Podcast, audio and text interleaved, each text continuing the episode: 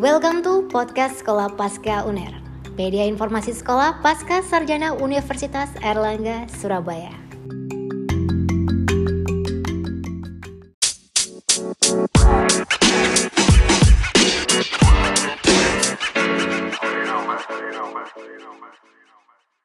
Selamat datang Pak Dahlan Iskan. ini, nah panjenengan di sini ya Pak. Kami juga sudah siapkan eh, Pak Direktur Prof. Badri Munir. Selamat datang juga di studio Erlangga Forum. Eh, kalau Pak Dahlan juga hadir gini, kita alhamdulillah jadi Erlangga Forum ini eh, memang sebagai persembahan sekolah pasca sarjana Universitas Erlangga tepat hari ini itu seperti Pak Dahlan mendirikan Disway agak kepepet tapi bahkan percetakannya saat itu katanya ada trouble-trouble ya. Sama kami ngalami hal-hal yang sama tapi tetap harus berangkat karena termotivasi Pak Dahlan gitu ya. Termotivasi Pak Dahlan ini per, dipakai Bapak itu ya. Nah. Oke. Alhamdulillah kalau Pak Dahlan ini senyumnya kok tambah cerah terus gitu ya. Dan- Senyum karena merasa tadi ngebut Oh, dari tempat satu acara ke sini supaya tidak lebih terlambat. Oh iya iya iya, alhamdulillah sekali. Jadi Pak Dahlan ini eh, kalau diketahui para sivitas akademika Universitas Erlangga khususnya sekolah pasca sarjana, insya Allah beliau ini berkenan untuk menjadi dosen di sini ke, ke depan. Bahkan kita sudah agendakan kalau berkenan lamarannya tidak sekedar itu tapi juga guru besar luar biasa sekolah pasca sarjana. itu idenya dari Pak Direktur Prof Badri Munir. Iya. Eh, kita sapa juga Pak Bupati Pamekasan yang hari ini tadi sudah berangkat Pak Dahlan, tetapi di tengah perjalanan harus kembali karena istrinya melahirkan. Jadi- Selamat, selamat. Selamat Pak Bupati. Ya ini ya, ini sepertinya mungkin masih urusan kelahiran ini gitu ya. Dan telah hadir juga di sini Direktur Sekolah Pasca Sarjana. Ini sama mudanya. Kalau dengan Pak Dahlan lebih muda. Pak Dahlan itu lebih muda. Meskipun Pak Dahlan itu tahun 1951, tapi hatinya kan 31. Nah, Tapi muda 11 tahun. 11 tahun itu ya. Itu kalau Prof Badri ini guru besar termuda saat itu ya di Universitas Erlangga Hebat sekali. karena usianya 38 tahun saat itu. Nah, Pak Dahlan ini dengan Erlangga Forum kami punya harapan besar dengan panjenengan yang punya motivasi terus menerus. Tapi nama panjenengan ini kenapa ada yang manggil Cak Dahlan? Ada Abah Dahlan, ada Pak Dahlan. Apa ada kisah-kisah dan ceritanya? Kalau kami baca di sini tidak ketemu soalnya itu. Iya, Abah itu belakangan karena anak-anak saya kan manggil saya Abah. Terus didengar oleh teman-teman, teman-teman ada yang ikut manggil Abah ya Pak Abah. Abah itu kan di Iya. istri saya kan dari Kalimantan. Di Oh, Kalimantan memang iya. biasa ayah itu dipanggil Abah dari bahasa Arab kan. Oh, iya, Ya, iya. Jadi Iya. itu aja. Oh, kalau kalau bahasa Arab itu anta bilang atil Arabiyin. Nah, itu itu harus harus harus- Anda tata kalam lugatul Ah, Jadi lebih khair, ya, ya, ya, lebih khair. Jadi itu menunjukkan bahwa Abah Dahlan memang betul-betul terah pesantren gitu ya. Pesantrennya itu memang Blok M, Blok M, Blok M. Itu blok jadi beliau Magetan gitu, di Magetan. Dan di sini itu kita tahu ada guru besar muda Prof Badri gitu ya. Prof Badri kok muda-muda kok mau jadi guru besar gitu. Katanya itu, katanya cepet tua malah. Iya. Gimana gimana resepnya itu ya? Ya itu. Alhamdulillah diberi keberuntungan oleh Allah gitu bisa kenal dengan banyak orang uh, yang hebat-hebat dan beliau-beliau mau mementori uh, baik yang ada di sini maupun yang ada di uh, luar negeri sehingga Iya, iya. jadi lebih lancar Pak. Oh iya, jadi Alhamdulillah. dari blok M kita ke blok L ini pak. Jadi beliau itu blok Lumajang. Sa- eh, dari blok Lumajang berarti sama nanti kalau saya juga blok L kan Lamongan. Tapi Bangladesh, bangsanya Lamongan desa. Oh, Bangladesh istilahnya. Bangladesh Bro anu. Bangsa Pro- Lamongan Lamongan desa. Itu karena sekarang saya harus panggil beliau Prof Dahlan. Oh. Jadi kenapa begitu? Karena prosesi guru besarnya biar tambah semangat. Gitu. Eh, Abah Dahlan atau Pak Dahlan, kalau menurut panjenengan ini, menurut panjenengan sebelum urusan-urusan kepahlawanan, urusan pandemi, urusan ekonomi, apa persepsi panjenengan tentang sekolah pasca sarjana dengan kepemimpinan yang ya guru besar muda? Kira-kira harapan dari orang luar ya, tapi nanti akan masuk menjadi bagian di kami semuanya. Apa harapan besar panjenengan tentang kampus, tentang UNER, tentang dunia internasional? Apa yang perlu kami persiapkan misalnya? Hmm. Ya tentu saya salut ada profesor muda mau menjadi direktur pasca sarjana UNER dan tentu harapan kita pasca sarjana UNER ini akan menjadi center of excellence Oh, dan iya. terutama tentang di bidang pemikiran karena Surabaya ini terkenal sebagai kota dagang, kota industri. Zaman Belanda dulu terkenal sebagai kota pelabuhan, kemudian sebagai kota yang dekat dengan basis perkebunan, sehingga memang tradisi intelektualnya harus dikembangkan supaya tradisi dagang dan industri ini bisa eh, melebar lagi menjadi tradisi intelektual. Jadi misi eh, Ya. Prof ini sangat besar karena harus mengubah Surabaya Ya. tidak hanya sebagai berwajah dagang dan industri, tapi juga berwajah intelektual.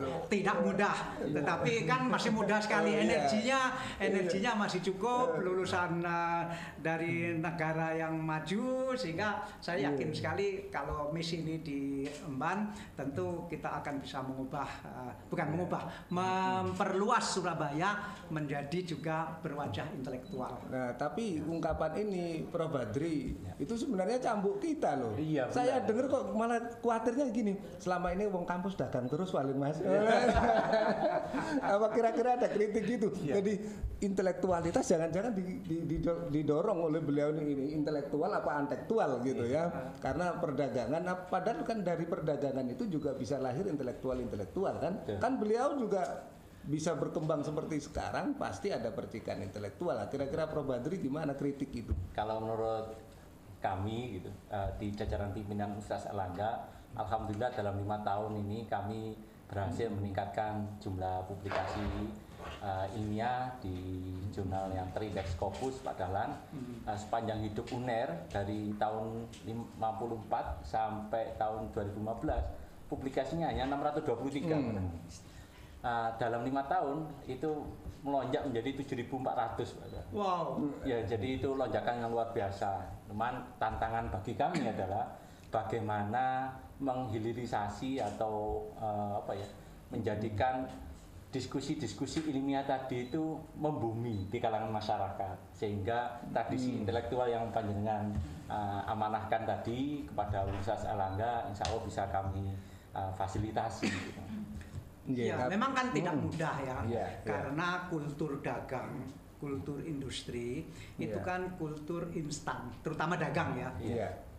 karena perdagangan itu bisa mendapatkan uang cepat, Mm-mm. kemudian terlihat eh, kaya, terlihat punya uang. Se- Sedangkan dunia intelektual itu kan harus Iya. ada kesabaran, Betul, betul. harus ada tradisi membaca, harus Iya. ada proses, Betul. sehingga perubahan dari eh, masyarakat dagang melebar menjadi masyarakat intelektual tantangannya tidak sekedar bagaimana eh, karya tulis di tingkat internasional tetapi juga mindset yang lebih luas bagaimana penghargaan terhadap proses penghargaan terhadap eh, ketelitian dan penghargaan ketap- kepada masalah-masalah yang non material itu bisa mendapatkan perhatian lebih tinggi. Misalnya, apakah menghargai seseorang yang mempunyai karya seni yang tinggi itu lebih remeh dibanding misalnya sukses dagang?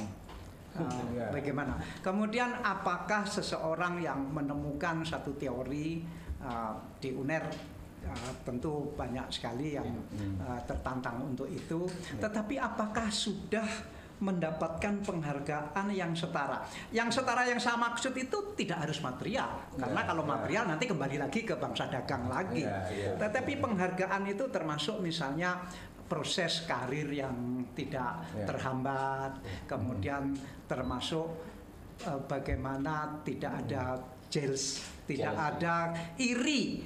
Iri hati dari uh, intelektual yang lain sehingga misalnya dihambat dan itu problem yang menurut saya sangat besar di UNER yang menjadi Oh, tapi tantangan di UNER Pak Direktur tidak itu. problem itu kok Pak ya.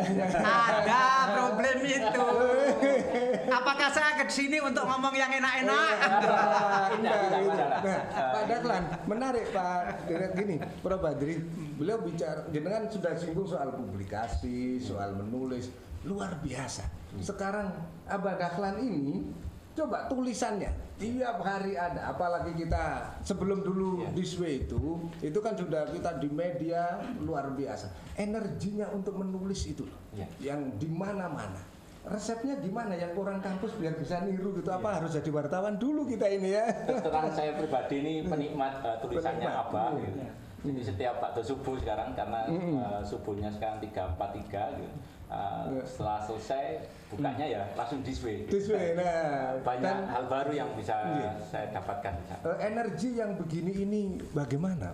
Abah Dahlan Ya. membaginya itu? Ya memang awalnya karena pressure ya. Iya. Pressure artinya saya harus eh, mengikuti prosedur di mana seseorang itu harus mendapatkan sesuatu yang bermutu Iya. dan saya merasa bersalah kalau menulis sesuatu yang kurang bermutu.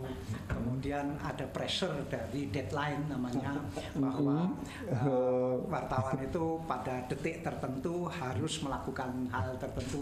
Pressure-pressure itu membuat keterpaksaan pada awalnya, tetapi kemudian menjadi kebiasaan. Jadi eh, pressure-pressure seperti itu, apakah di kampus bisa ditumbuhkan, misalnya, Ya. sehingga eh, pressure itu penting juga, Penting, oh iya, Eh, iya. sehingga orang tanpa pressure ya cenderung santai. Hmm, tadi padahal mau saya tanyakan siapa yang berani mereser Pak Dahlan gitu ya.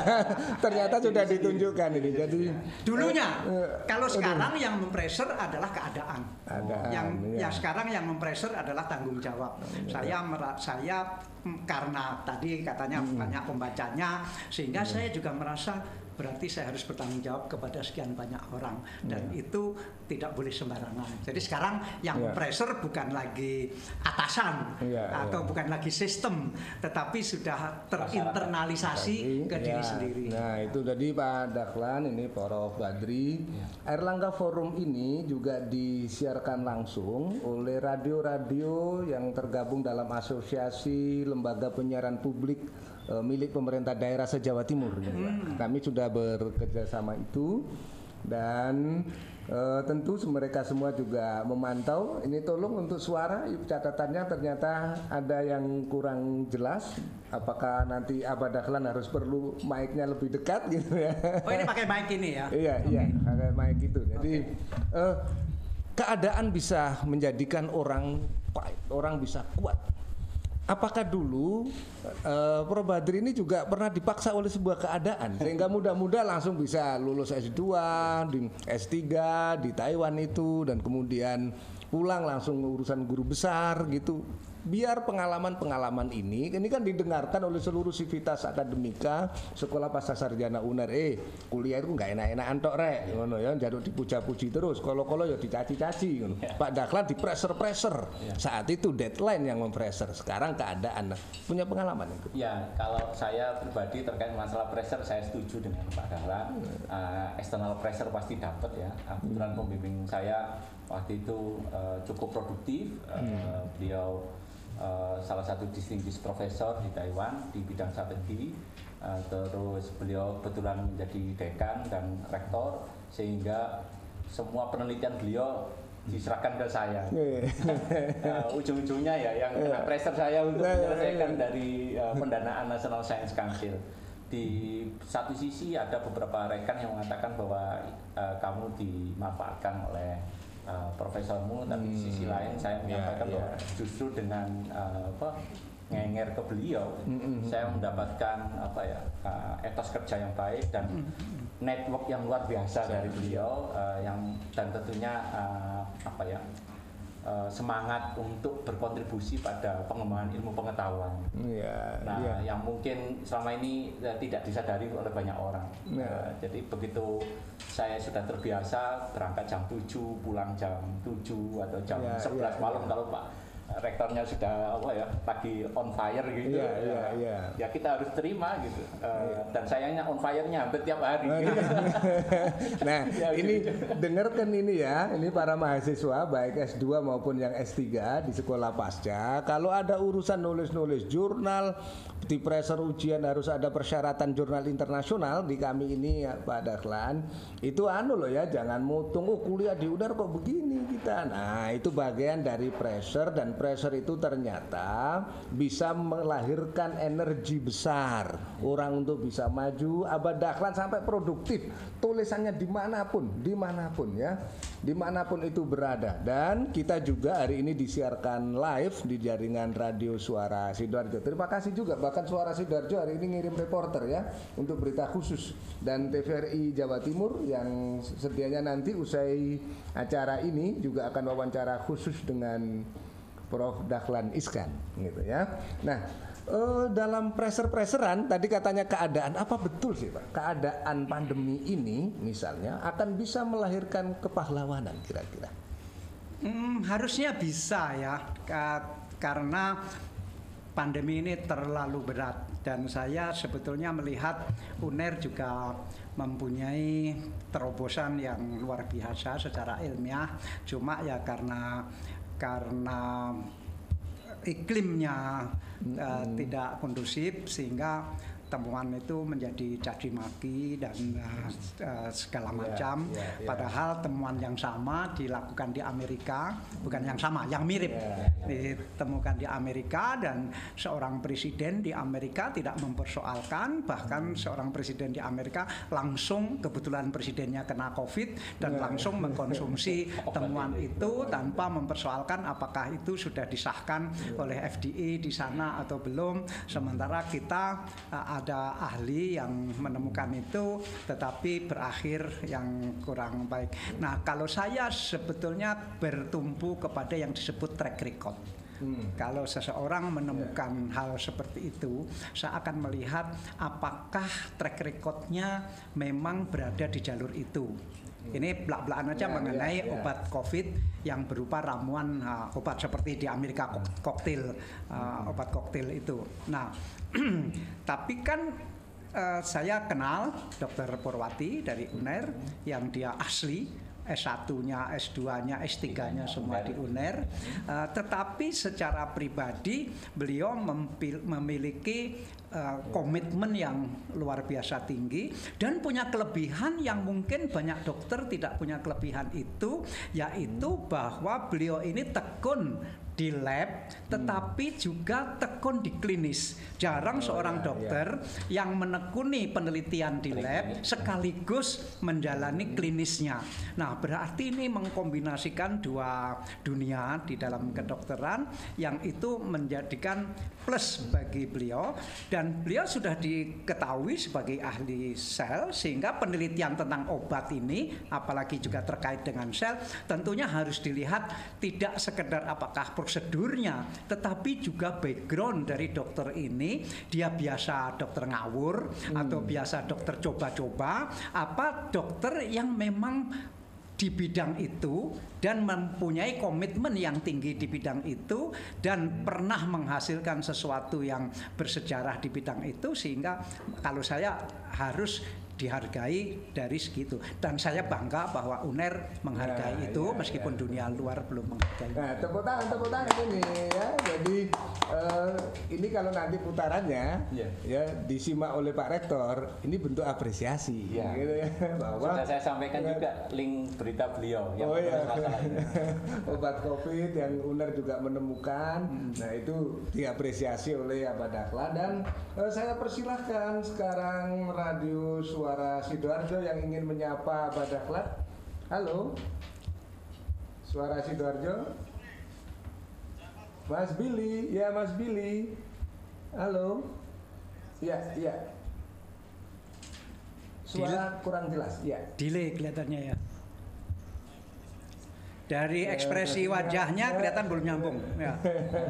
Eh, eh, Tapi oh anu Pak Dahlan juga harus lebih dekat dengan Mike ya masukan Oh, masukannya oke, ya, oke. ya, lebih dekat Oke. dengan Mike. Jadi Ya. ternyata Prof jadi setiap temuan ternyata kan institusi negara itu tidak boleh abai dan menjadikan liar tetapi harus diapresiasi dengan apresiasi maka akan ada motivasi mungkin begitu tapi kalau saya sindir Abah Dahlan kan begini justru di saat pandemi nggak ada nggak ada kesulitan kok beliau karena apa lahir di Swiss Oh, iya. Ya banyak sulitnya kan orang tidak tahu Oh, iya. Nah, dan kita tidak perlu memberitahu orang eh, betapa sulitnya. Itu kan urusan kita bahwa kita kan termasuk bagaimana harus mengatasi yang sulit-sulit. Nah, termasuk ngatasi yang sulit secara ekonomi sekarang lagi resesi Prof Badri. Gimana ru- rumusnya dari Prof Badri? Pakarnya loh Pak, pakarnya katanya. Ayo, ayo. Saya ini juga masih pembelajar aja di bidang ekonomi. Tapi kalau kita lihat dari rumus pertumbuhan ekonomi, ada consumption, ada eh, government expenditure, ada investment, ekspor dikurangi impor. Nah, kalau kita lihat di Indonesia itu memang 60% pertumbuhan ekonomi ini ditunjang oleh eh, Konsumsi. konsumsi rumah tangga. Nah, yang jadi masalah sekarang ketika konsumsi rumah tangga ini sebagian besar bekerja di sektor formal, nah tentunya ini pasti akan ngefek. Nah, Kalau kita lihat dari iya. survei Bank Dunia memang eh, kita ditunjang oleh 52% orang middle income class. Tapi 90% dari middle income class ini cenderung eh, rentan untuk turun ke aspiring middle class. Eh, Dengan tapi- adanya iya. krisis ini kayaknya eh, sebagian besar masuk ke situ. Di situ dah. Air Langga Forum ini sebagai forum di mana kampus harus hadir sebagaimana pesan Abah Dahlan tadi apa? Hadir untuk memberi solusi setiap problem mingguan yang ada itu akan dikemas di dalam bincang Air Langga Forum.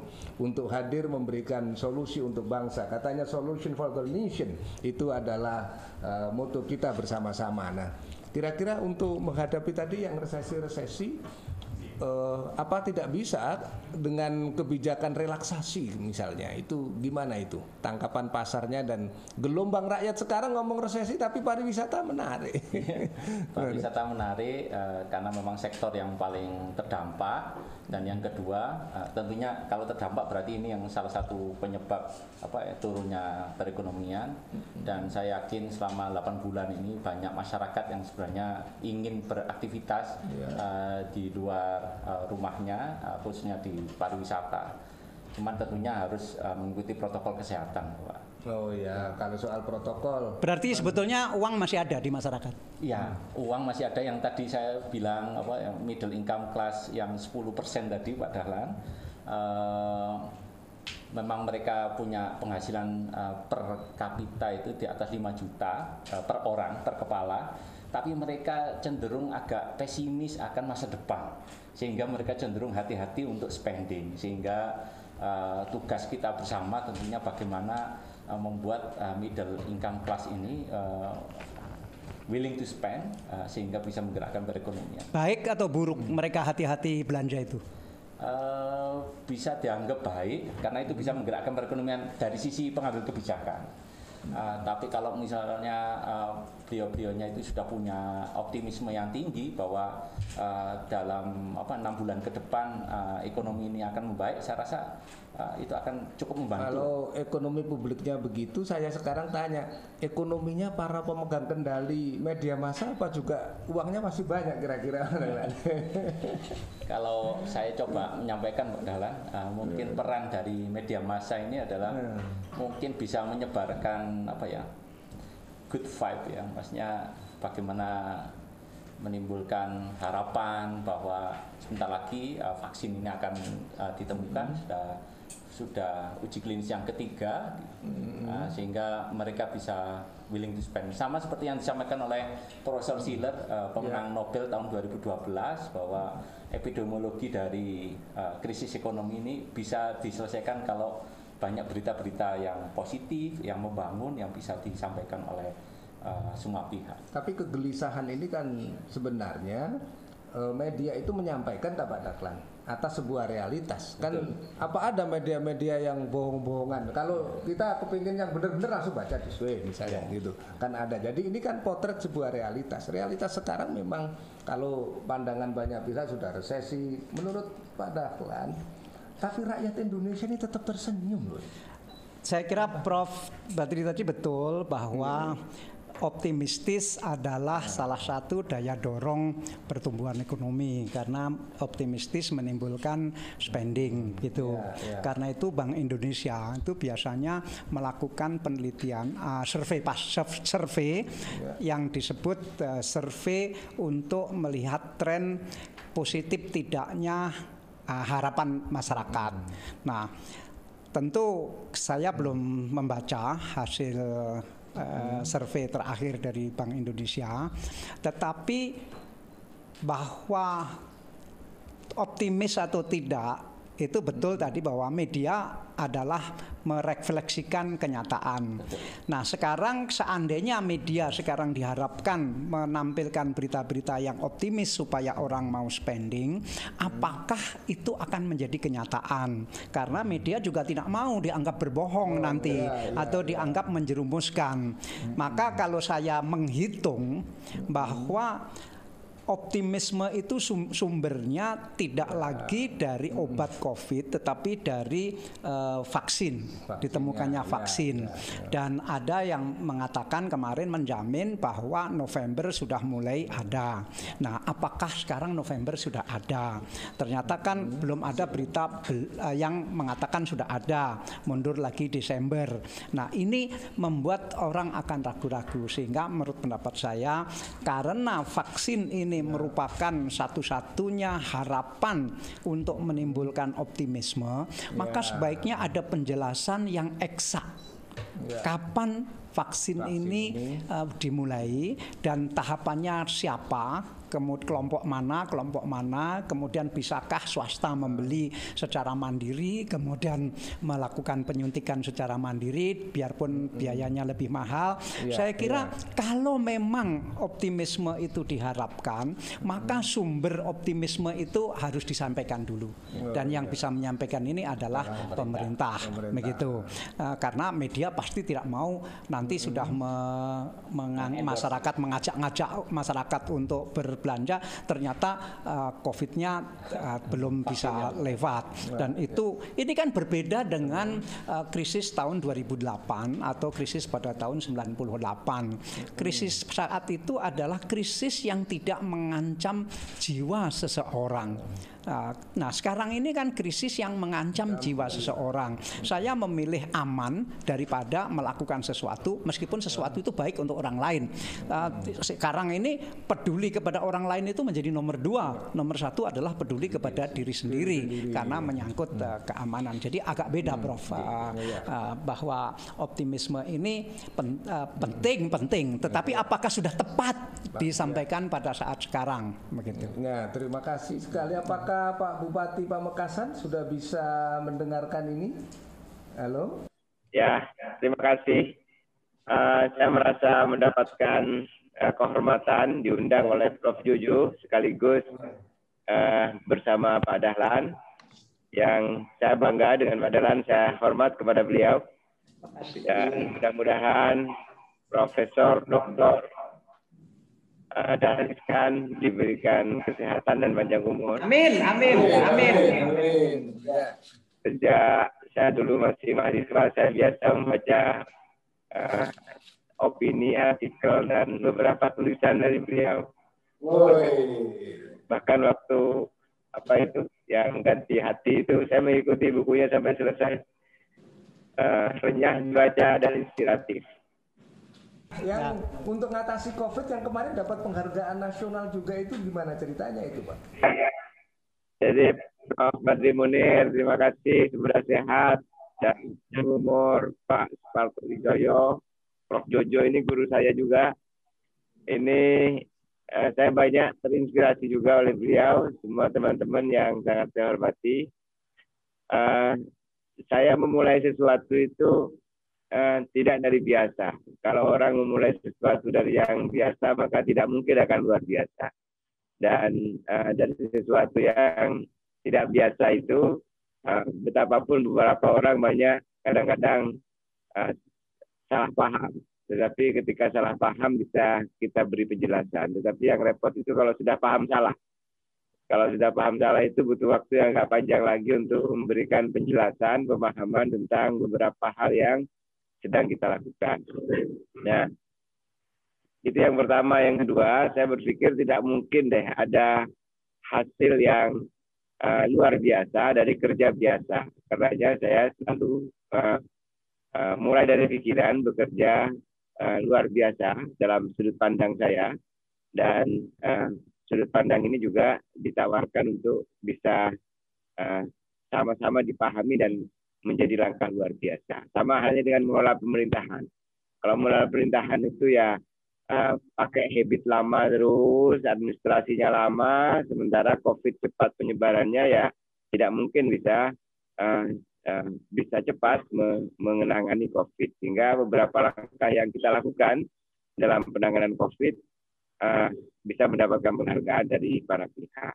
Tetapi penghargaan itu sebenarnya bukan tujuan kita. Tujuan kita adalah bekerja sungguh-sungguh dengan, dengan harapan uh, kita bisa mendapatkan hasil yang Jadi yang yang fondasi awal kenapa uh, uh, sering mendapatkan apresiasi dari beberapa pihak. Yang kedua yang saya lakukan adalah uh, Prof. Jojo, padahal saya di awal bertemu dengan banyak uh, sudut pandang yang yang yang salah tentang uh, pandemi COVID. Ada yang menganggap pandemi uh, COVID ini, COVID-19 ini uh, konspirasi. Ada yang menganggap ini uh, ini politisasi, ini macam-macam, ini bisnis obat dan macam-macam. Nah, dari beberapa sudut pandang itu, uh, saya aja untuk sudah kita nggak usah berdebat deh tentang ini. Yang penting pakai masker. Sudah kita nggak usah berdebat panjang tentang beberapa sudut pandang halusinasi dan apa uh, beberapa sudut pandang itu, tapi yang paling penting sudah distanting. Daripada terus kemudian kita sibuk berdebat sementara COVID ini bisa menyerang kita kapan saja. Nah, dari situlah saya melibatkan semacam gerakan. Kalau tidak jadi gerakan, ini yang yang yang sering saya lakukan. Kalau ini tidak jadi gerakan, hanya jadi program, nah, tidak ada partisipasi. Sementara sukses sukses gerakan apa pun, sukses pembangunan apa pun itu setidaknya harus ada tiga hal. Yang pertama, uh, leadernya leadernya benar. Baru kemudian yang kedua, uh, yang mau dilakukan kegiatannya, programnya benar. Baru kemudian yang ketiga adalah uh, partisipasinya bagus. Tiga hal ini menjadi prinsip dari saya sehingga ketika ada COVID pertama, saya tidak lagi menggunakan cara pendekatan yang ini program COVID, bukan. Tetapi ini gerakan untuk bisa uh, kita terbebaskan dari COVID. Sehingga partisipasi dari tokoh, karena ini di Badura, masjid-masjid, takmir masjid, semuanya kita libatkan, musolah-musolah kita libatkan, terus kemudian para tokoh agama kita libatkan, serta beberapa uh, kelompok NGO kita ajak bersama-sama untuk kemudian memiliki sudut pandang yang sama dulu tentang COVID-19. Dari situlah uh, kita walaupun masih ada ragu-ragu sebagian sudah walaupun ragu jalan aja deh dulu yang penting uh, konsolidasi edukasi uh, terus kita lakukan sambil lalu kemudian kita membentuk tim tracing yang yang lebih cepat. Nah, Alhamdulillah tim tracing kita ini diakui oleh pemerintah provinsi katanya terbaik di Jawa Timur dari tracing yang kita lakukan. Karena kalau tidak melakukan tracing kita tidak tahu ini sedang orang ini sedang sedang gimana posisinya sekarang. Baru kemudian uh, apa kuratif tim kuratif kita juga bekerja lebih cepat. Karenanya uh, Prof Jojo, Pak Dahlan, uh, Prof Badri Munir di Pamekasan ini kalau tidak salah nomor dua setelah Surabaya kita ditemukan uh, COVID pertama di Jawa Timur. Dan saya bangga karena ditemukan ditemukan agak cepat karena dengan begitu kita bisa bekerja lebih uh, lebih maksimal lagi untuk mengetahui. Karena begini, orang itu kalau tahu masalahnya itu tinggal uh, dicarikan solusinya. Yang repot itu orang tidak tahu masalahnya, maka tidak akan mungkin ketemu solusinya. Sehingga mencari masalah itu penting bagi kita untuk menemukan solusinya. Kalau tidak ada kalau tidak ada solusinya, tidak tahu masalahnya, tidak mungkin akan ketemu solusinya. Nah, alhamdulillah uh, kita di kabupaten ini bisa kita cepat melakukan yang pertama tim proaktif kita kita maksimalkan. Terus kemudian tim tracing kita kita maksimalkan betul baru kemudian edukasi kita terus genjot. Dan alhamdulillah kabupaten ini sekarang uh, di di bulan Oktober September kita ini uh, uh, sudah lumayan rendah. Kalau tidak salah hari ini sudah ada tinggal empat empat pasien dan semuanya sehat. Sehat dan dirawat. Karena kita menggunakan misalnya di kumulatif itu kita buat yang gembira dan bahagia. Masyarakat tidak boleh panik tetapi waspada. Karena kalau panik nanti semua sektor yang lain akan terganggu. Intinya uh, dari beberapa referensi yang saya pelajari tentang COVID ini COVID ini akan mengganggu orang yang uh, imunnya rendah orang yang kurang bahagia orang yang tidak menjaga kesehatan sehingga yang perlu didorong pertama menghadapi COVID ini tidak dengan panik, tapi dengan riang gembira dan dan, dan sehat gitu. Luar luar biasa langkah-langkah yang diambil, tapi ada kata tadi yang mulai awal, ya. saya yakin Pak Dahlan akan memberikan catatan khusus itu bahwa langkah-langkah besar luar biasa itu tidak mungkin dengan kerja-kerja yang, yang biasa. biasa. Itu dari mana dulu dapat kata-kata itu? Kita tidak mungkin melakukan hal yang biasa untuk mendapatkan yang luar biasa kan gitu. Hal-hal begini menjadi spirit kan Abah Dahlan. Ya pernyataan-pernyataan begini kan menjadi spirit itu dan ternyata spirit itu diimplementasikan oleh Pak Bupati Pamekasan. Kira-kira dengan profil dan kinerja yang seperti ini apa harapan ke depan banyak bupati muda aja kali ya? gimana gimana?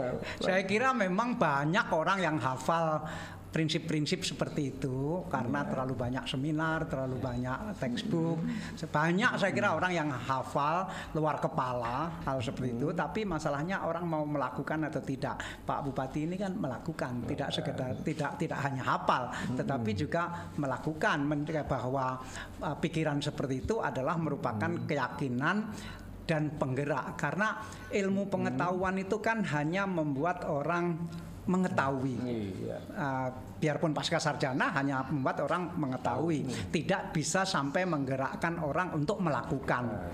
Nah, hmm. sehingga uh, pengetahuan uh, how, membuat orang how to know, iya. tapi tidak bisa sampai ke how to do. Iya. Nah, Pak Pak Bupati yang harus menyampaikan bagaimana pengetahuan itu berubah dari tingkat how to know menjadi how to do karena Pak Bupati yang sudah uh, sudah doing um, gitu ya. Hmm. Jadi ini tembakin juga jadi motivasi besar oleh Pak Badrut Tama tapi ini biar kalau panggil saya kan memang Prof. Jojo. Jadi ya. lainnya no Cak Parto saya ini Jojo. Ya ini spesial ini spesial ini. Kalau manggil saya Prof. Jojo. Riwayatnya apa sampai dipanggil Jojo? Nah itu Pak Bupati yang tahu berarti oh. ya. Jadi jadi uh, saya yakin dengan hal-hal semacam ini apalagi ini Pak Dahlan Pak beliau ini sekarang juga menjadi mahasiswa di sini. Hmm, di pasca sarjana. Ya, di pasca sarjana ini tapi akan rajin lagi nanti itu kalau Abah Dahlan ini mau ya mau selalu mengajar di sekolah pasca sarjana dan eh, saya takut tidak memenuhi syarat nanti syaratnya di, di, diurus oleh iya. Pak Badri halo izin kemarin uh, Pak Dahlan ya. nah, suara Sidoarjo gimana? Suara Sidoarjo apa bisa sambung? Dan mohon maaf eh, saudara-saudara semuanya yang pakai tanya apakah ini dapat sertifikat? Apakah ini nanti akan dikirim sertifikatnya? Soal sertifikat tidak dipikir dulu. Yang kita pikir dapat ilmu apa tidak? Dapat wawasan bertambah apa tidak ini mohon maaf bukan kritik keras tapi ini adalah bagian bahwa kita hadir di sini adalah untuk bersama-sama atmosfer akademik Universitas Erlangga kita bangun tanpa embel-embel sertifikat dulu loh ya. Kata sebut namanya kok ini. Ya gitu. Jadi eh, kalau kita sekarang kembangkan lebih jauh saya bersiapa dulu suara sidoarjo Mas Billy Baik, Caparto, selamat sore Caparto. Bisa mendengar suara nah, saya? Alhamdulillah, terang ini, terang, terang. Iya, iya. Selamat sore, selamat sore. Baik, ini Jadi perlu... ketukaran ya kalau Pak Dahlan kan bisa Abah Dahlan. Ono Cak Dahlan, saya pakai Caparto sekarang ya. Baik. Gimana? Dari suara Sudarjo. Baik ini berarti saya menyapanya Abah Dahlan begitu ya? Iya, iya, iya. Iya, Sudarjo. Sudarjo apa? Ini mungkin dari saya pribadi, sebenarnya pernah bertemu Abah Dahlan saat saya masih duduk di bangku SD ya. Akhirnya punya kesempatan ngobrol ini saat sudah uh, berstatus pekerja begitu ya. Ini mungkin uh, perlu saya informasikan juga, kita juga disiarkan serentak di banyak sekali lembaga penyiaran publik lokal yang ada di Jawa Timur. Ini Caparto bersama dengan Persada Blitar. Ada Mahardika Kota Blitar juga, Suara Kota Probolinggo, Suara Ngawi, Suara Pacitan, Suara Sampang, Suara Jombang, Suara Madiun, Praja Angkasa Trenggalek, Ersal Nganjuk. Ada Pradia Suara Tuban, Mardika Bondowoso, Kanjuruhan Kabupaten Malang, Wika Kabupaten Mojokerto, Ralita Pamekasan, Magetan Indah, RGR Tulungagung, Malowapati Bojonegoro, Ramapati Kota Pasuruan, dan Remaja Klasik Radio Malang, dan pastinya Suara Sidoarjo ya. Sudah ada 20 lebih nih, seperti yang untuk lembaga lokal yang bergabung. Terima kasih loh. Padahal kita nggak pakai MOU ya, nggak pakai belum belum apa tanda-tanda tanda tangan. Tapi ini sudah hatinya cocok. Kalau sudah hatinya cocok dipersatukan. Untuk itu baca buku ini ganti hati. Kalau hatinya belum cocok ganti hati ya. nah ini jadi oke okay. uh, eh, dalam situasi semacam ini tentu kita ingin mencari hikmah-hikmah. Kira ini kan agak spiritual kalau yang begini karena diharapkan begitu, Prof. Badri tapi untuk urusan hikmah-hikmah tentu kan setiap peristiwa semacam pandemi hari-hari ini ada pelajaran besar Abah Dahlan saja punya kreasi kemudian sampai munculkan Diswe. Nah sekarang kalau kita mau belajar Abah Dahlan, kalau ada hikmah apa di balik sebuah peristiwa besar semacam pandemi yang bisa didengarkan oleh orang Jawa Timur dalam bahasanya Abah, gitu. Kalau ke bahasa kita ini nanti melip ya. Iya. Saya kira karena kita bicara di UNER, iya, iya. yang terpenting adalah bagaimana kita menghormati ilmu pengetahuan. Oh. Saya kira Pak Pak Bupati Pamekasan adalah pemimpin daerah yang termasuk yang tersulit karena memimpin masyarakat yang hmm. mungkin ada yang berpendapat bahwa ini adalah konspirasi, ini ya. adalah azab dari Tuhan, ini adalah hukuman dan segala macam. Uh, tetapi kan, tapi itu juga tidak harus membuat kita minder karena di Amerika pun juga ada. Sampai hari ini pun di Amerika masih ada bahwa COVID ini bukan penyakit. COVID ini uh, akibat banyaknya di sana LGBT misalnya. Masih ada Pak Bupati. Oh. jadi bukan hanya orang-orang kita di Amerika juga begitu. Ya kita sabar saja. Tetapi bahwa yang lebih utama adalah bagaimana ilmu pengetahuan lebih mengemuka sekarang ini. Karena apa pun memang terbukti bahwa ini kan kan tidak bisa diselesaikan dengan dukun, tidak bisa diselesaikan dengan uh, uh, hal-hal yang non medis ini sesuatu ini suatu yang masalah yang sangat ilmiah. Karena itu saya tentu berharap bahwa bukan hanya berharap bagaimana momentum ini para ilmuwan, para ma masyarakat ilmu pengetahuan uh, bisa lebih mengemukakan ilmu pengetahuan untuk membuat masyarakat kita lebih berorientasi pada uh, yeah. ilmu pengetahuan. Kalau kalau saya itu. Mm -mm. Jadi itu luar biasa. Sebentar ini belum bisa dimasuk. Nah, kok belum bisa? Saya ingat waktu saya selesai operasi dulu, saya punya program untuk bagaimana, bagaimana ikut mendorong masyarakat mau menjalani imunisasi hepatitis B. Karena iya. saya dulu kan kena kanker hati antara lain karena sebelumnya terkena hepatitis B. Tetapi dan waktu itu saya lakukan di Pamekasan. Waktu itu Pak Bupati masih belum jadi bupati, masih sangat muda. Dan memang di sana waktu itu masih ada kelompok yang mengharamkan imunisasi hepatitis B.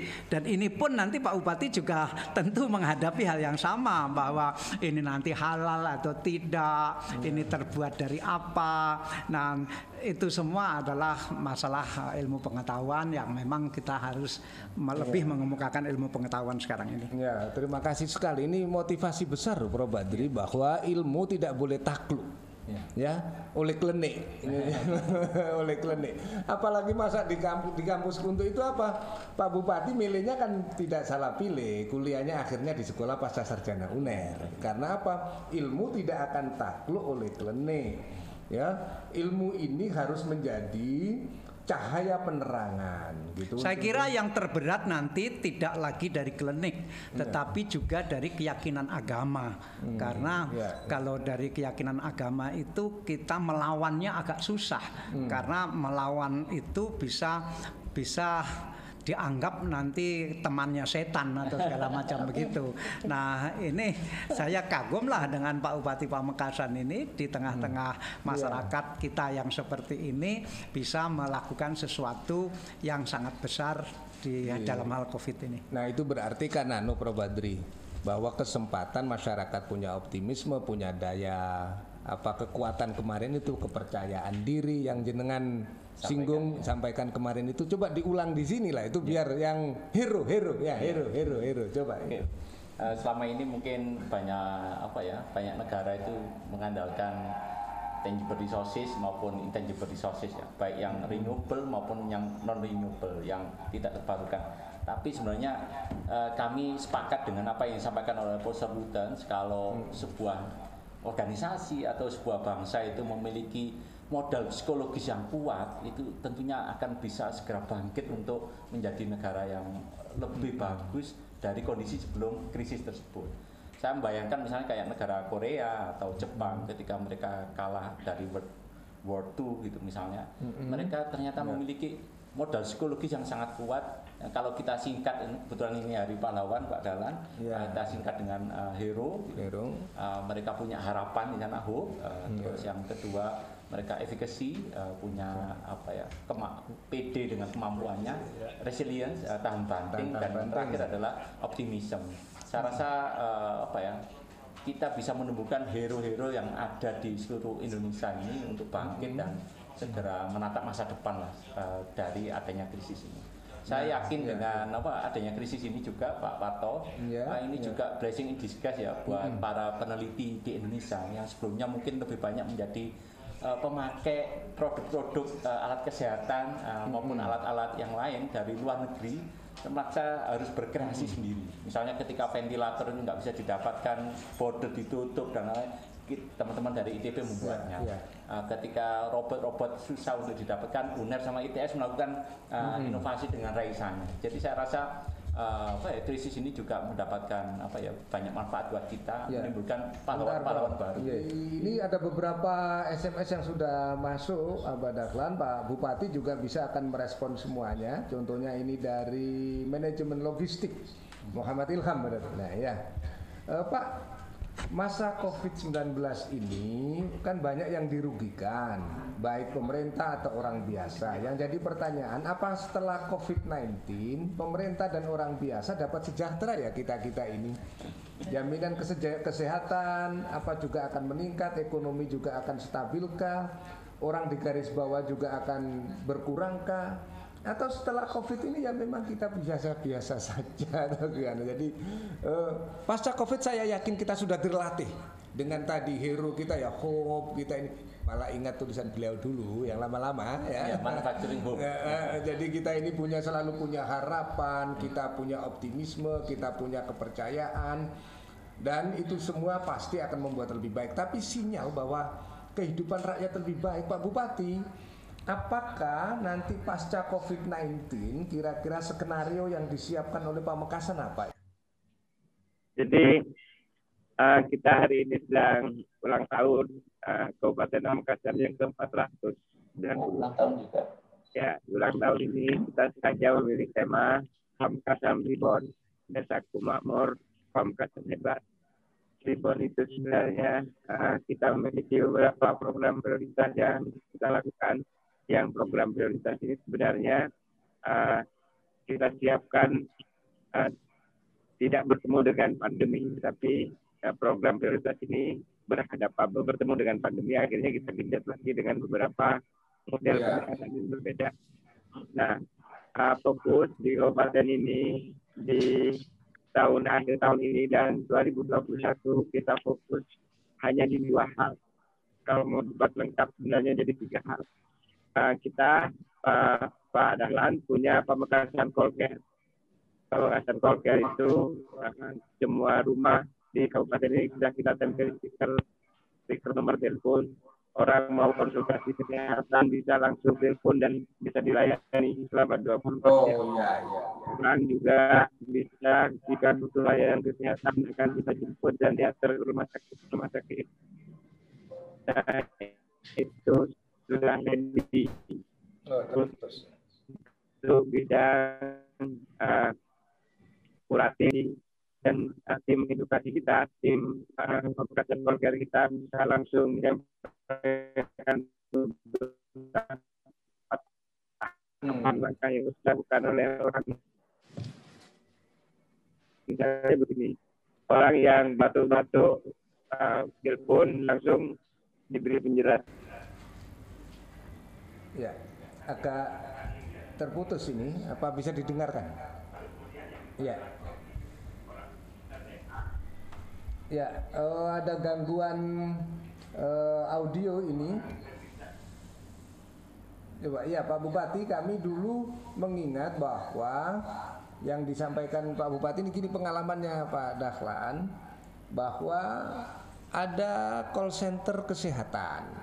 Jadi kalau rakyat itu sakit di Pamekasan ini langsung bisa telepon dan langsung dijemput oleh pemerintahnya dan akan diantar. Apakah ini pengobatannya cukup di puskesmas, apa di rumah sakit dan kalau pulang itu juga dikembalikan. Jadi tidak hanya diantar ke rumah sakit tapi juga sampai dikembalikan. Itulah kalau beliau kemudian ada ada agak protes Pak Dahlan dulu itu sebenarnya mall pelayanan publik itu bukan di metropolitan. Ya.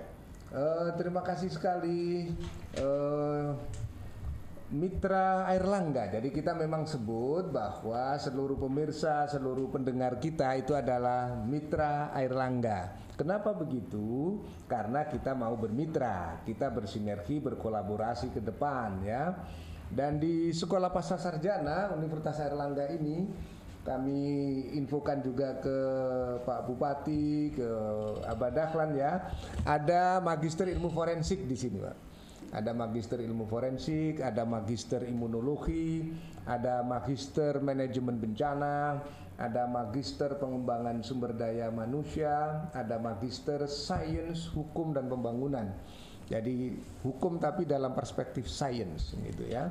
Kemudian rencananya Pak Direktur coba ilmu apa saja yang ditambahkan nanti ke depan?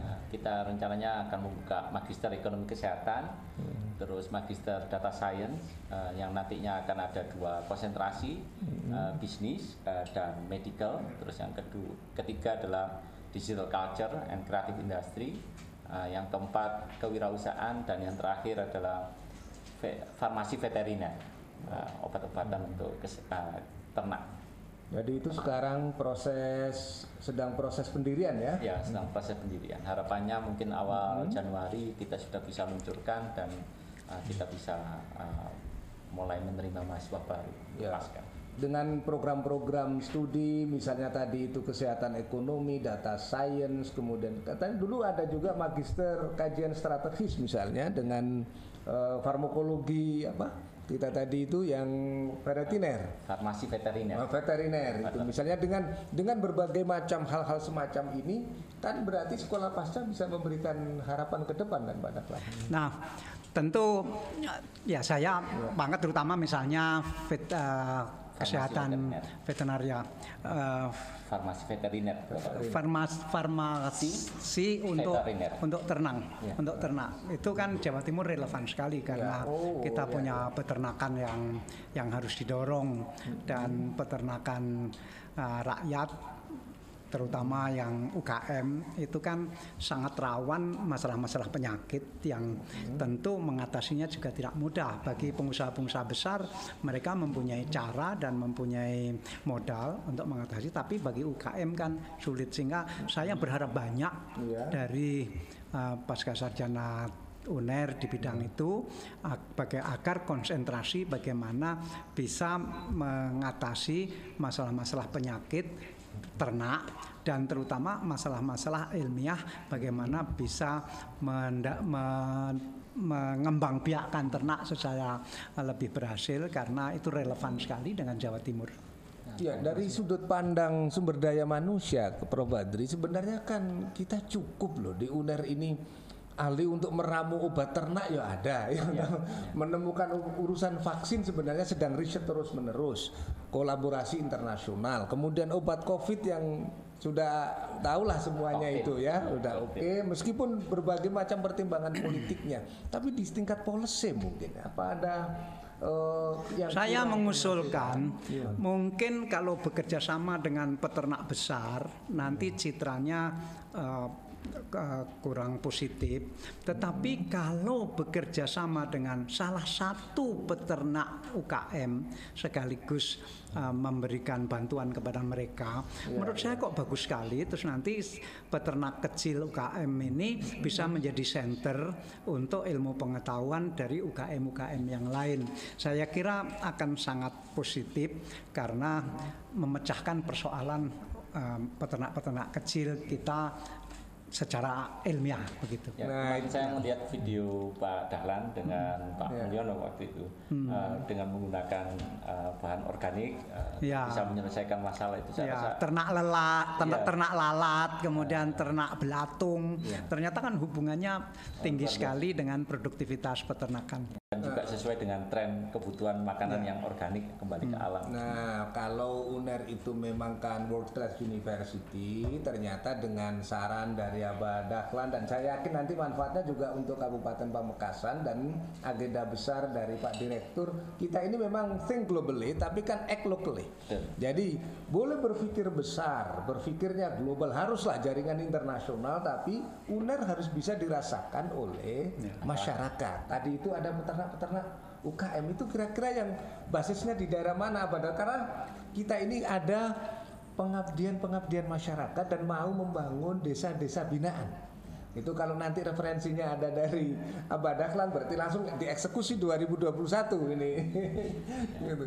Saya kira seperti Pak Bupati Pamekasan kan masyarakatnya sangat suka beternak sapi. Hmm. Uh, kemudian uh, kelemahan dari peternakan rakyat sekarang ini adalah tidak efisiennya karena masing-masing memelihara ternak di rumahnya sendiri-sendiri. Hmm. Nah, kalau suatu saat bisa dikoordinasikan bahwa hmm. dalam satu desa rakyatnya berapa orang yang berternak, yang punya sapi kasarannya begitu atau punya kambing.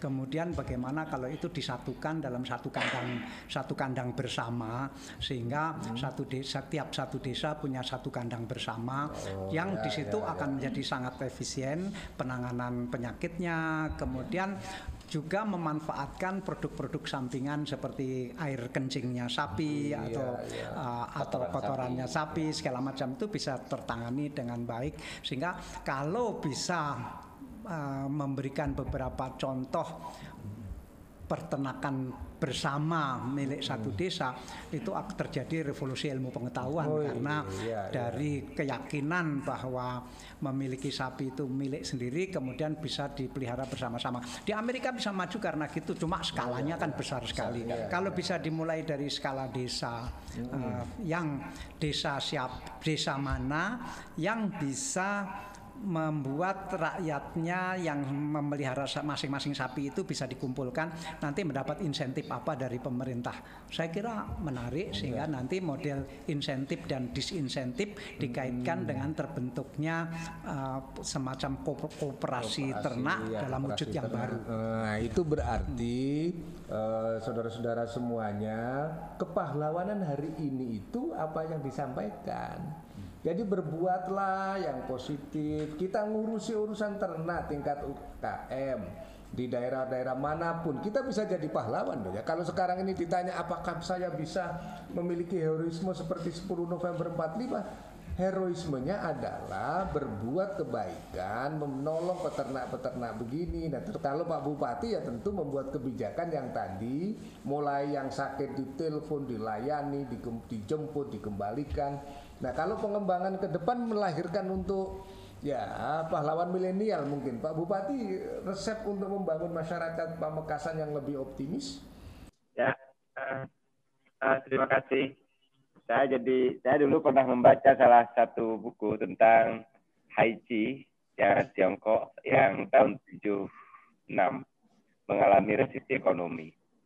Uh, Gubernur Haiji membuat kebijakan one village one product waktu itu. Uh, setiap village di Haiti oleh gubernurnya diminta untuk menemukan, mendefinisikan tentang potensi ekonomi yang mau dikembangkan di desanya. Baru kemudian setelah itu uh, semua desa harus memiliki produk. Uh, jadilah konsep One Village One Product yang di 2014 ditiru, di copy paste oleh uh, uh, negara kita menjadi One Village One Product. Itu di Haiti sudah tujuh tahun 70-an yang lalu, di kita masih 2014 kemarin. Nah, di kabupaten ini saya menggunakan pilihan strategi yang berbeda. Saya tidak mau uh, memilih uh, pilihan cara untuk mendorong pertumbuhan ekonomi itu dengan one village one product, tetapi dengan cara desa tematik. Nyambung dengan yang disampaikan Pak Dahlan, uh, harapan saya desa tematik itu ada uh, desa uh, peternakan, ada desa pertanian, ada desa UKM, ada desa Um, nah, pilihan itu tidak harus satu produk jadinya, tetapi bisa banyak produk. Nah, di peternakan misalnya ada kampung sapi, jadi kandang komunal, kita dorong kandang komunal di masing-masing kelurahan, uh, di masing-masing dusun, baru kemudian di dusun yang lain bisa saja kambing, di dusun yang lain bisa ayam.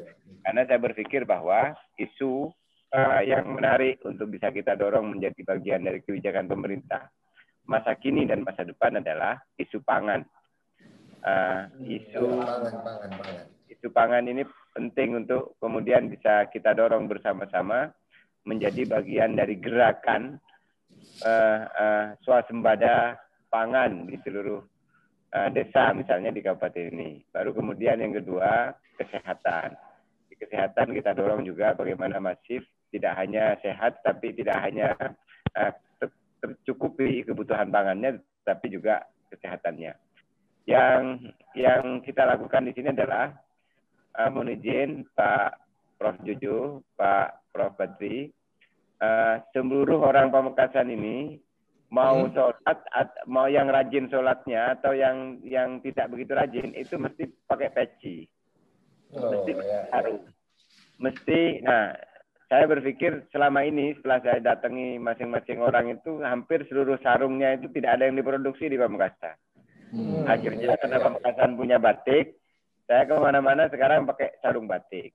Biar hmm. kemudian batik saya terjual. Nah, yang songkok juga begitu. Saya sudah teman-teman melalui desa tematik sudah kita latih.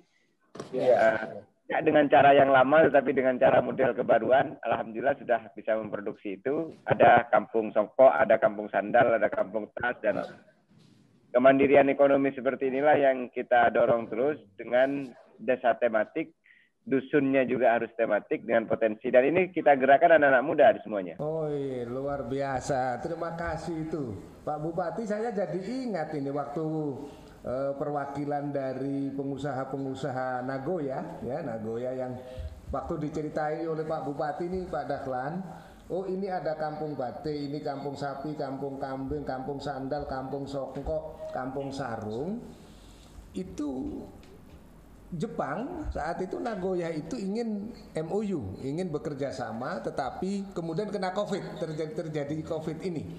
Nah, hal-hal semacam ini berarti kan sudah ada kreativitas ya, kreativitas. Pemimpin daerah ternyata kalau kreasi, dia berkreasi. Sekarang ini kalau ada mobil batik lewat itu mesti orang pikirannya Pamekasan, kan gitu. Bagaimana sekarang kampus juga hadir menjembatani ini. Untuk itu Pak Bupati kuliah di sini harus terjembatani ini, harus terrealisir ini program dengan Nagoya nanti ya. Yang pengusaha-pengusaha dagang, kamar dagangnya lah intinya yang dulu ingin bekerja sama itu kira-kira merespon kebutuhan semacam ini Pak Badri kesiapan sekolah pasca gimana? Ya, uh, dari beberapa opini yang selalu saya tulis mungkin dalam setahun terakhir uh, saya berfokus pada uh, pentingnya sebuah negara atau sebuah daerah itu memiliki industri strategis yang nantinya akan menjadi lokomotif.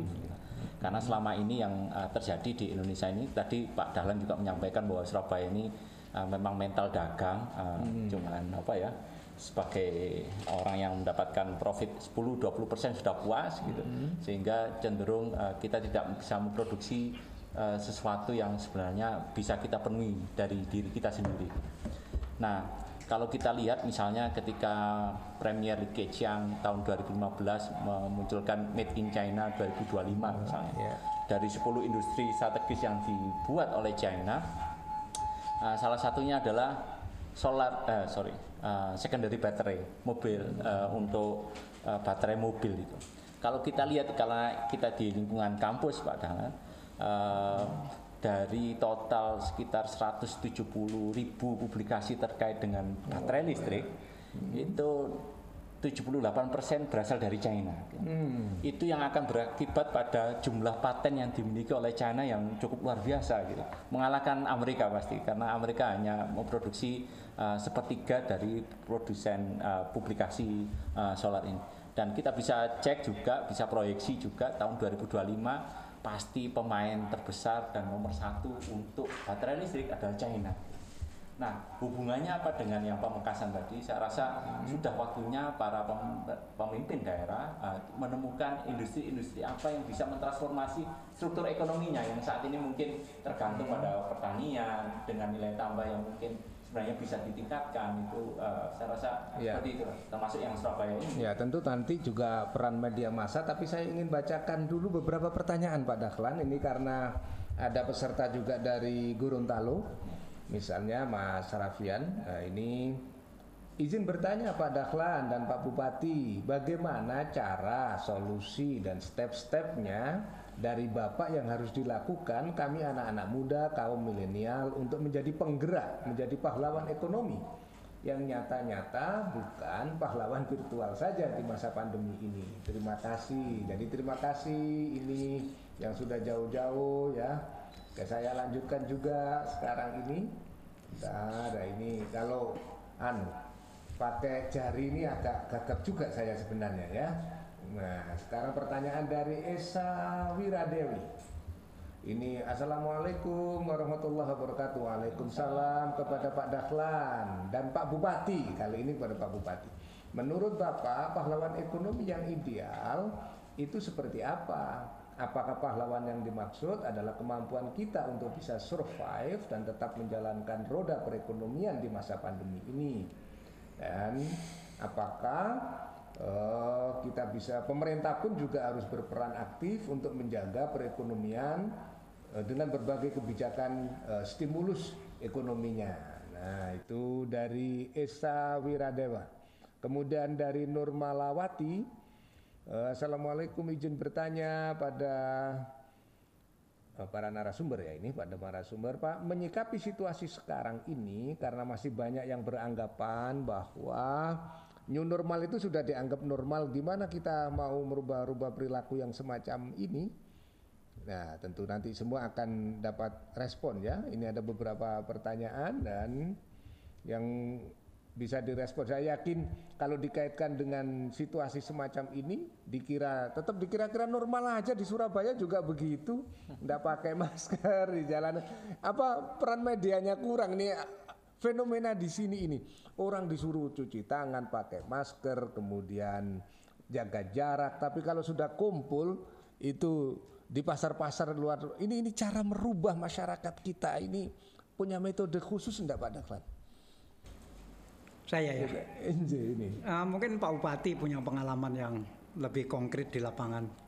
Karena kalau saya itu kan yang penting orang itu berpikir uh, hari ini mau ke mana, aman atau tidak. Kalau hmm. tidak aman, apa yang harus dilakukan?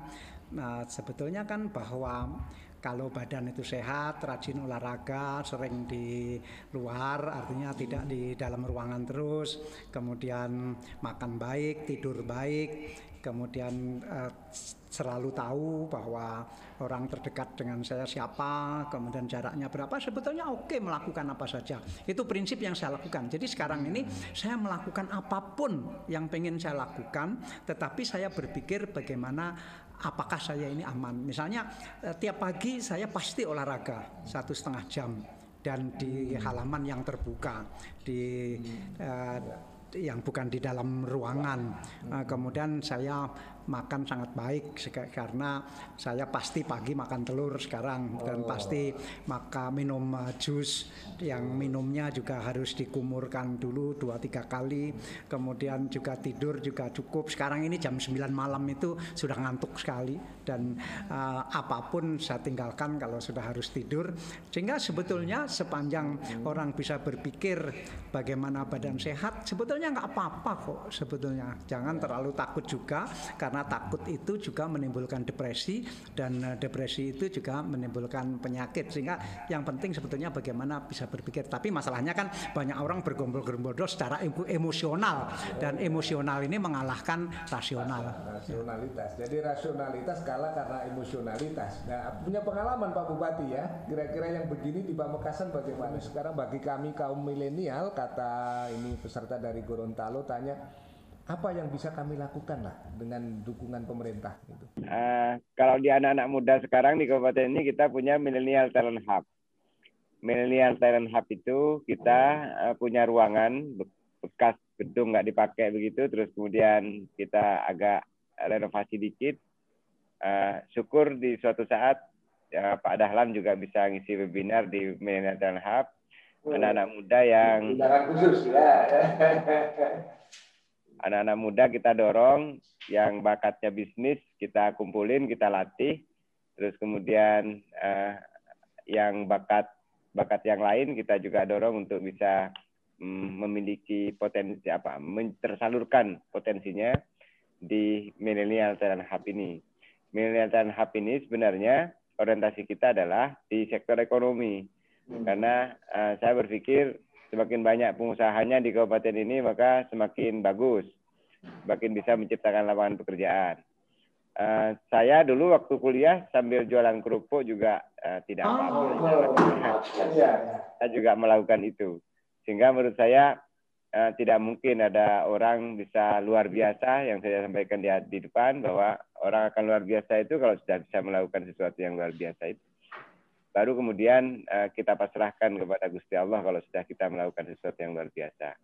Nah, Millennial Hub ini kita lakukan untuk bisa menampung beberapa potensi talent dari anak-anak muda di sini di semua uh, sektor termasuk misalnya yang ekonomi itu ekonomi bidang apa? Ekonomi bidang pangan. Saya browsing beberapa orang yang bisa memberikan spirit.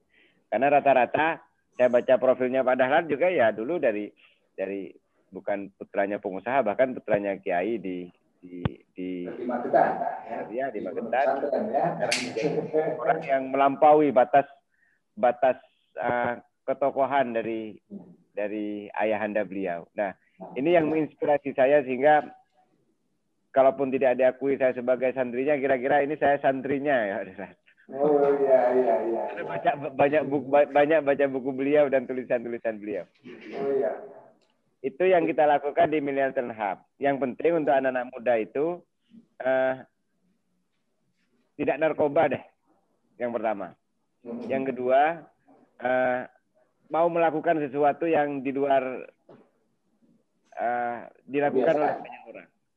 Karena saya ngitungnya sederhana. Kalau jumlah orang di misalnya di Jawa Timur ada eh, 38 sampai 40 juta yang sukses. Masuk kategori sukses itu harmoni keluarganya bagus, ekonominya bagus, terus kemudian tatanan sosialnya tetangga-tetangga dan saudaranya bagus, terus kemudian memiliki peran yang bagus. Itu dari 4 juta dari 40 juta itu kalau 10% ya sekitar 4 juta orang kalau 4 juta orang, kalau kita ngikut dan ngikut yang 36 juta, berarti kita ini biasa-biasa. Kalau kita ikut yang 4 juta, itu akan menjadi luar biasa. Apalagi terus dikerucutkan lagi yang 4 juta itu jumlahnya yang seperti Pak Dahlan hanya satu di Jawa Timur. Hmm. Itu. Nah, kalau kemudian kita meniru ya. beberapa inspirasi, langkah, dan cara yang dilakukan oleh beliau, ya minimal suksesnya agak mendekati beliau lah, kira-kira begitu. Anak-anak muda masa depan. Nah, kalau yang dilakukan seperti beberapa orang sukses yang lain ya bisa saja nanti melampaui yang yang orang sukses yang lain. Karenanya orang sukses itu untuk anak-anak muda tidak mungkin orang sukses itu belajar ke orang gagal. Orang sukses itu harus belajar ke orang sukses dan uh, biasanya itu tidak lebih banyak daripada yang yang biasa-biasa dan saya memilih kayak misalnya dari dulu saya memilih belajar ke orang yang luar biasa dengan uh, skema kerja yang juga luar biasa. Nah, anak-anak muda mesti mestinya menurut saya ya jauhi narkoba dulu deh karena sekarang saya Pak Dahlan di Madura ini Jawa Timur informasinya uh, narkoba tertinggi kedua setelah DKI dan yang membuat tinggi itu karena faktor Madura. Nah, saya sedih sekali kalau sudah begini. Anomali ini uh, masjid banyak, musolah banyak, pengajian banyak, terus kemudian tapi narkoba juga terbanyak.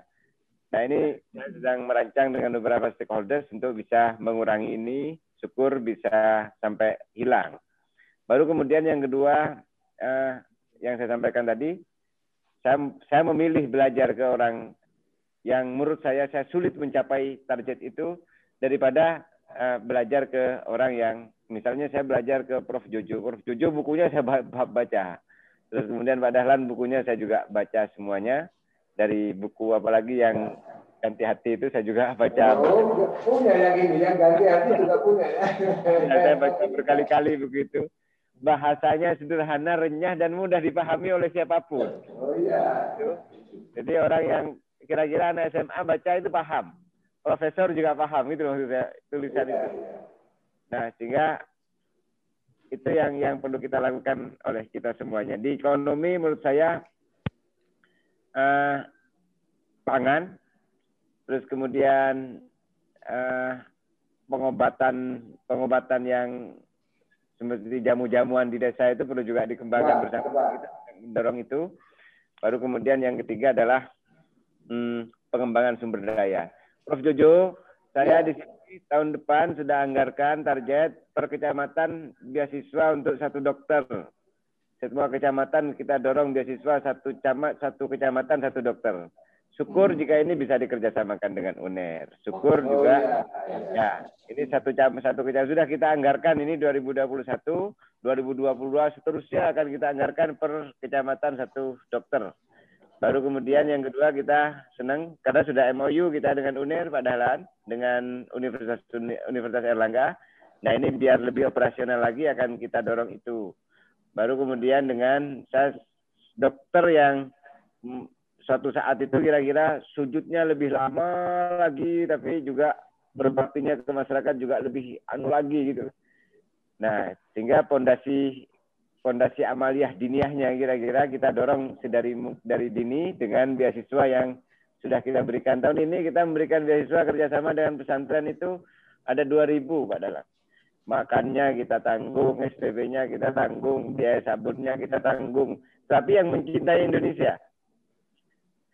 Jadi yang yang punya nasionalisme dan punya komitmen kewirausahaan yang bagus, serta termotivasi oleh beberapa orang sukses untuk orang biasa menjadi luar biasa. Luar biasa. Iya, tepuk tangan, tepuk tangan ini ya, tepuk tangan ini. Jadi memang tugas pemimpin itu menjadikan yang biasa menjadi luar biasa gitu ya yang luar biasa dan kalau kalau tadi itu niatnya begitu santri-santri tetap paham dengan apa tradisi pendidikan yang bagus. Kalau begini ini saya yakin kok jadi santrinya Abah Dahlan langsung diterima kok ini. Diterima ya. Apalagi sudah kata beberapa bukunya gitu ya.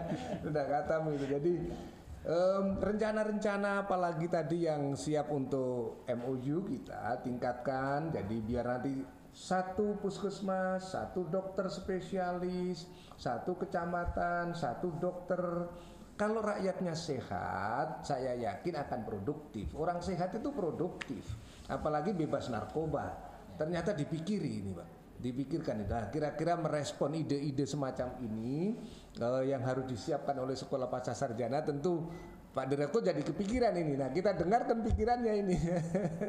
Ya, bagaimana yang saya sampaikan tadi mungkin di sekolah pasca uh, kita akan melakukan pengmas tapi uh, lebih ke perencanaan bagaimana postur ekonomi sebuah kabupaten uh, ke depan uh, hmm. tidak hanya yang apa ya yang sektor-sektor yang tradisional tadi Pak Bupati sudah menyampaikan untuk melakukan hal yang luar biasa ya hmm. untuk mencapai hal yang luar biasa ya harus melakukan hal yang luar biasa yeah. uh, hal yang luar biasa seperti apa gitu ya tentunya uh, menciptakan atau mengembangkan industri strategis yang sesuai dengan uh, sosiokultur di sebuah uh, Ya. da- uh, kabupaten itu akan sangat tepat. Karena saya yakin masing-masing daerah itu sebenarnya punya unggulan sendiri-sendiri. Tapi kalau tidak itu didorong uh, uh, ke depan, saya rasa itu tidak akan bisa muncul apa ya potensi yang ada. dan termasuk jadi potensi ekonomi yang menarik Abah Dahlan memang setiap ya, apa yang disampaikan oleh Pak Bupati adalah ide pangan kita ini di seluruh dunia itu kan tahu bahwa Indonesia adalah mega mega biodiversity. Kita ini kaya sumber-sumber hayati kita kaya sumber alam kita kaya pangan lah logikanya. Tapi kenapa juga banyak orang mengalami krisis pangan? Apa yang salah dengan pangan kita manajemen pangan kita? Saya saya ikut Pak Bupati pendapatnya Pak Bupati tadi bahwa sebetulnya kalau semua bupati bisa berpikir untuk daerah masing-masing secara total memang per- persoalan terbesar akan selesai. Maksud saya begini. Dulu seorang bupati itu sangat berkeblat kepada gubernur dan berkeblat kepada pusat. Dulu begitu. Nah, tentu tidak gampang mengubah ini menjadi seorang bupati yang mandiri. Tentu tidak gampang. Tetapi iklim politik sekarang kan sudah memungkinkan untuk itu. Sehingga eh, sekarang ini men- selalu menyerukan bahwa sudahlah jangan lagi percaya orang pusat itu memikirkan daerah jangan percaya jangan percaya provinsi itu memikirkan daerah jangan percaya jangan percaya orang lain itu memikirkan Anda Jangan percaya, termasuk saya. Jangan percaya bahwa saya memikirkan Pamekasan, misalnya. Jangan percaya. Nah, kalau perasaan seperti itu sudah kuat, maka mau tidak mau bahwa yang memi- yang perlu memikirkan diri sendiri itu adalah ternyata dirinya sendiri. Itu nomor satu. Sudahlah. Akhiri akhiri satu mindset bahwa akan ada akan ada orang lain yang akan membantu. Udah, itu harus diakhiri. Akhiri pemikiran nanti pusat membantu.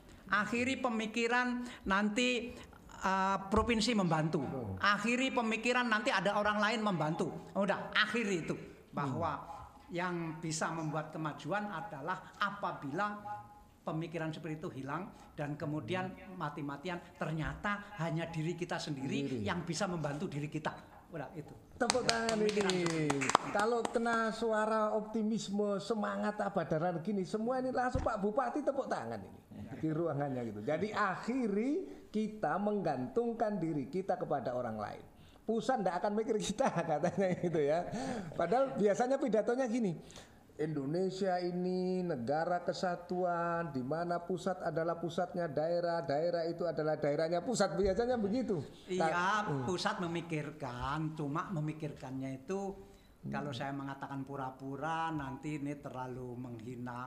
Memikirkannya itu ya memikirkan begitu saja. Udah. Tapi apakah akan mati-matian memikirkan? Oh, Yang tidak. dipikirkan ini kan banyak. Udahlah, Banyak, iya, udahlah. iya. Akhiri akhiri anggapan bahwa akan ada orang lain yang membantu. Nggak ada. Sudah. Pokoknya Pak Mekasan maju itu tugas saya. Tugas saya sebagai bupati membuat Pamekasan maju. Nggak akan ada orang lain yang memikirkan Pamekasan. Memangnya ma- ada orang lain memikirkan pemasaran? Nggak ada. Nah, saya yang harus memikirkan dan saya yang harus menemukan jalan itu. Dan semua Nah, bupati harus begitu. gitu. Iya, terima kasih Abah Dahlan. Ini luar biasa Pak Bupati langsung kasih jempol itu berarti yang mikirkan Surabaya juga itu yang mikirkan bahwa UNER maju apa tidak ya kita warga UNER. Betul. Ya, Ah, betul. UNER harus memikirkan UNER. Tadi kan ada pertanyaan mengenai bagaimana menjadi pahlawan ekonomi. Nggak usah punya pikiran menjadi pahlawan. Sudahlah, jadi pahlawan dirinya sendiri itu sudah hebat. Bagi kalau misalnya Anda uh, Iya. melakukan kegiatan ekonomi, nggak usahlah punya pikiran ini nanti akan memajukan negara, ini nanti akan memajukan daerah, ini nanti akan menjadi pahlawan. Nggak usah. Anda kalau mengerjakan di bidang ekonomi, sudah ini untuk saya. Ini ke, untuk keuntungan saya, untuk kemajuan saya, untuk kemandirian saya, untuk masa depan saya cukup seperti itu.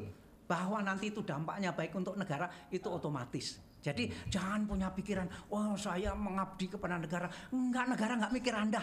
Anda harus mikir diri sendiri. Nanti nanti otomatis itu Anda sama dengan mikirkan negara. Nah, jadi luar biasa kalau kita mampu memikirkan diri kita dan kita bisa mandiri, kita kemudian bisa berkreasi, maka itu berarti Anda semuanya mikirkan negara. Jangan nggak bisa opo-opo kok mikir negara, mikir awakmu dhewe rek. Jadi kalau kalau ini Pak Prof Badri dan Pak Bupati, kalau setiap bulan ada kuliah umum ya Abah Dahlan Iskan yang kayak begini, ini saya yakin ini. Seluruh mahasiswa sekolah pasca sarjana UNER akan memiliki lompatan, dia akan memiliki daya kuantum yang luar biasa. Betul. Kenapa?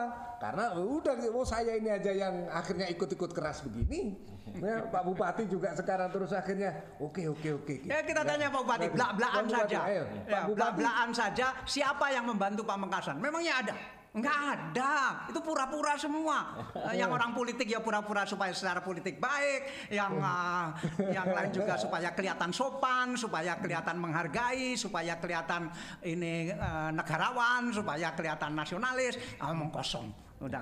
Yang yang mikir Pamekasan ya Pak Bupati. Pak Bupati Pamekasan Udah. ya gitu. Ini seluruh stafnya mendengar live semua ini di Pamekasan kan seluruh stafnya live. Ini gimana gimana pengalamannya kira-kira hubungan pusat dan daerah ya ini. Nggak hanya pusat dan daerah maksud saya. iya. Ini masalah orang lain Iya, iya, dan iya, eh, iya. Pamekasan. Energinya maksudnya Pak Bupati ini kan ada energi besar dengan kita menginternalisasi motivasi diri. Eh, kamu kepengen hidup enak apa ndak enak, masa depanmu suram Terserah kamu cerah. sendiri. Itu sesungguhnya kembali kepada diri kita sendiri. Pamekasan maju apa tidak, sekolah pasca ini maju apa tidak, itu tergantung juga diri kita sendiri. Pak Direktur sekarang yang ngomong. Nah, gimana motivasi besar ini untuk memajukan sekolah pasca? Saya tentunya setuju dengan Pak Dahlan eh, bahwa kita ya, setuju dengan Pak Dahlan. Eh, baik dari sisi apa ya level individu atau organisasi atau level negara, saya rasa yang pertama yang harus kita lakukan adalah kita harus sangat eh, apa ya 100% punya komitmen untuk memperbaiki kita sendiri baru kita bisa membantu orang lain sama persis seperti yang prinsipnya yang di pesawat itu. Eh, tolonglah diri sendiri dulu sebelum menolong orang lain juga saya rasa itu bentuk komitmen yang yang sangat tinggi dan eh, pasca saya rasa juga melakukan hal yang sama eh, termasuk seperti yang kita lakukan hari ini Hari ini ya. Contohnya begini ya. Sering saya baca kata-kata tulisan di terminal atau di puskesmas tulisan bunyinya begini kebersihan adalah tanggung jawab kita bersama misalnya begitu. Apakah dengan tulisan itu menjadi bersih? Tidak. Kata kalau saya jadi bupati kalau ada tulisan seperti itu saya suruh copot. Seperti dulu di PLN itu setiap kantor PLN itu ada spanduk. Bunyinya berantaslah calo listrik begitu. Memangnya membaca spanduk itu calonya hilang, calonya tambah banyak.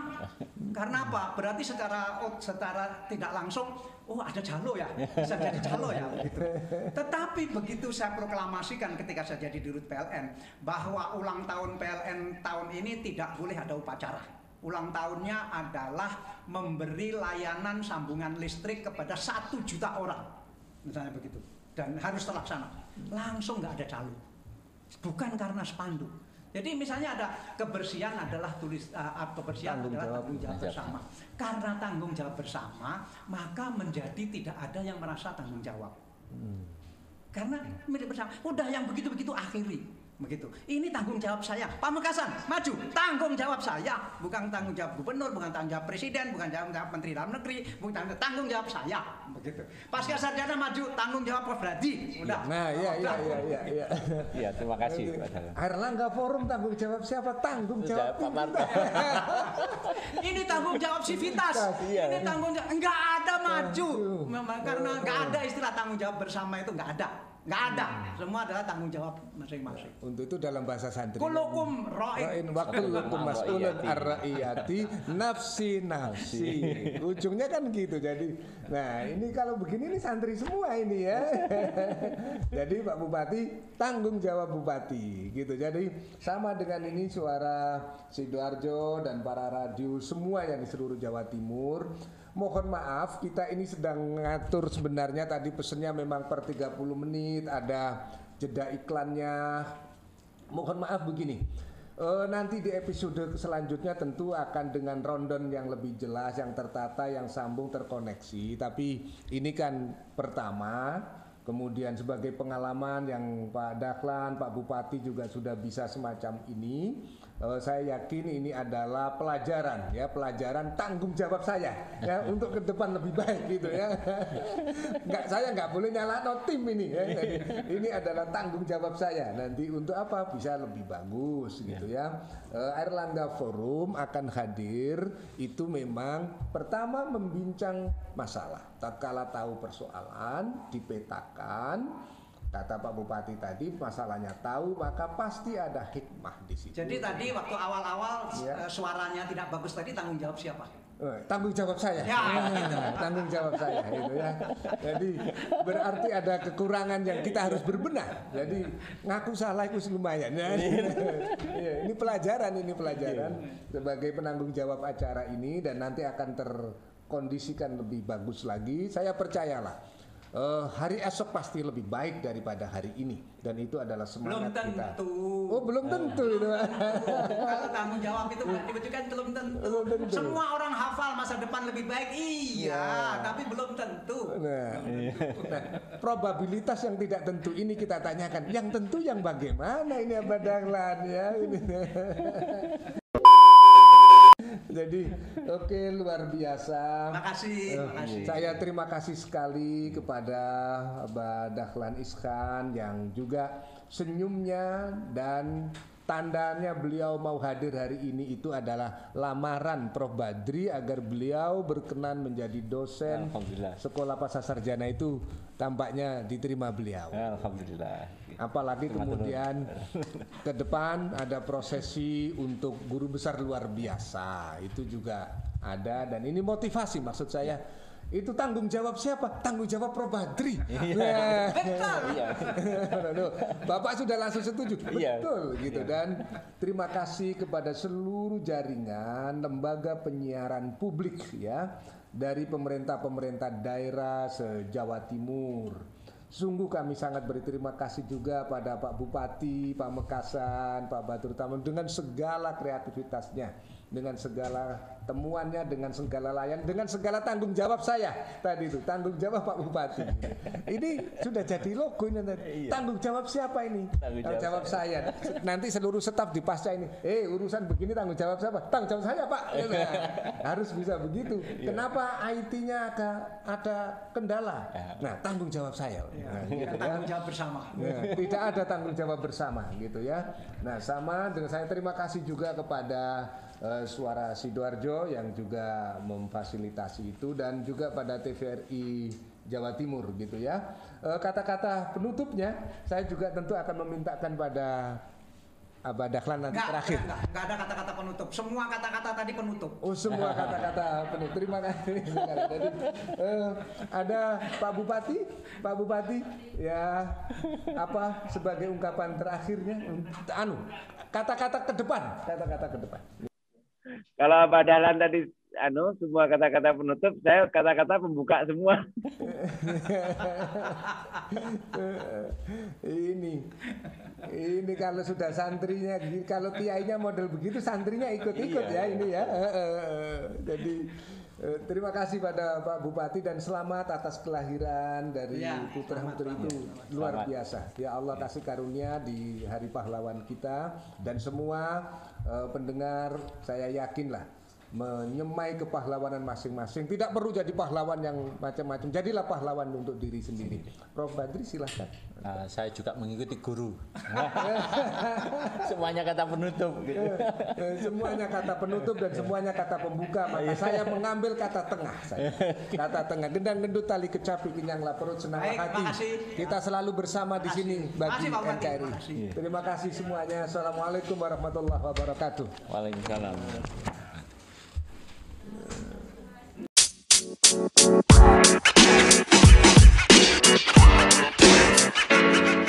man. You know, man.